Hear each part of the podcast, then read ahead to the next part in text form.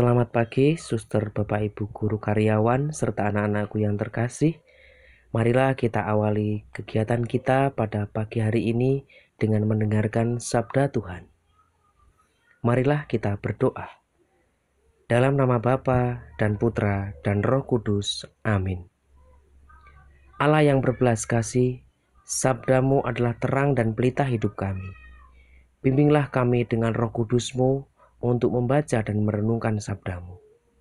Terangilah budi dan hati kami untuk memahami sabdamu, dan jernihkanlah hasrat jiwa kami untuk meresapkan sabdamu. Inilah Injil suci menurut Lukas. Dimuliakanlah Tuhan. Ketika itu beberapa orang berbicara tentang bait Allah dan mengagumi bangunan yang dihiasi dengan batu indah dan berbagai macam barang-barang persembahan.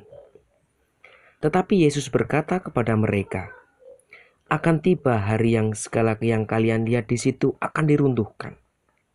Dan tidak akan ada satu batu pun dibiarkan terletak di atas batu yang lain.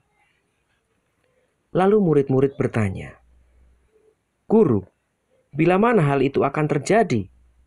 Dan apakah tandanya? Kalau itu akan terjadi, Jawab Yesus, "Waspadalah, jangan sampai kalian disesatkan, sebab banyak orang akan datang dengan memakai namaku dan berkata, 'Akulah Dia,' dan saatnya sudah dekat. Janganlah kalian mengikuti mereka, dan bila kalian mendengar kabar tentang perang dan pemberontakan, janganlah kalian terkejut, sebab semua itu harus terjadi dahulu." Tetapi itu tidak berarti kesudahannya akan datang segera. Kemudian Yesus berkata kepada mereka, "Bangsa akan bangkit melawan bangsa, dan kerajaan melawan kerajaan. Akan terjadi gempa bumi yang dahsyat. Di berbagai tempat akan ada penyakit sampar dan juga kelaparan, dan akan terjadi juga hal-hal yang mengejutkan dan tanda-tanda yang dahsyat dari langit. Demikianlah Injil Tuhan. Terpujilah Kristus. Suster, Bapak Ibu guru karyawan serta anak-anakku yang terkasih, kita diingatkan Yesus agar tidak terjebak oleh keagungan yang biasa kita lihat oleh mata. Hal-hal yang secara fisik terlihat mengagumkan, baik, dan megah. Hal itu sering menipu kita. Yesus mengajak kita untuk lebih waspada. Jangan sampai kita disesatkan.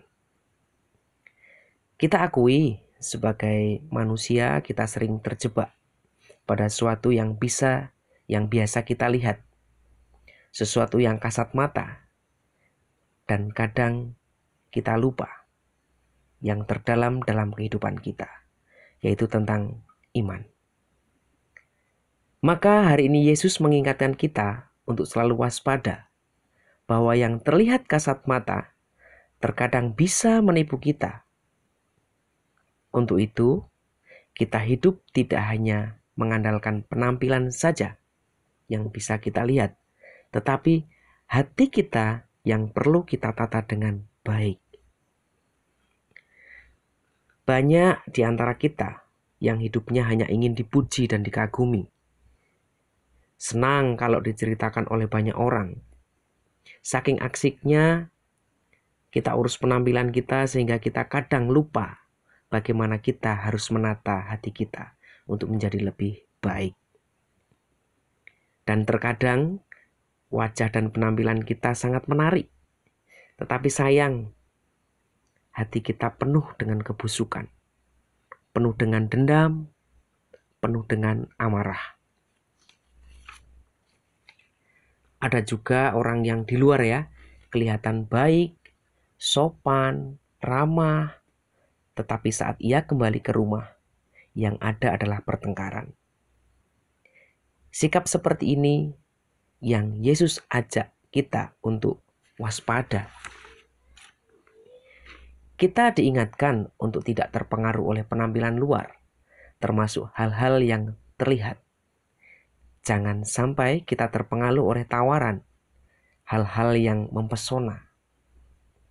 Kita butuh bantuan Tuhan untuk memberikan pencerahan untuk kita agar kita bisa membedakan mana yang baik dan mana yang benar. Suster, Bapak, Ibu, dan anak-anak terkasih, mari kita jaga hati kita supaya kita mampu membedakan mana yang terbaik dan yang berguna untuk kehidupan kita. Amin. Marilah kita berdoa.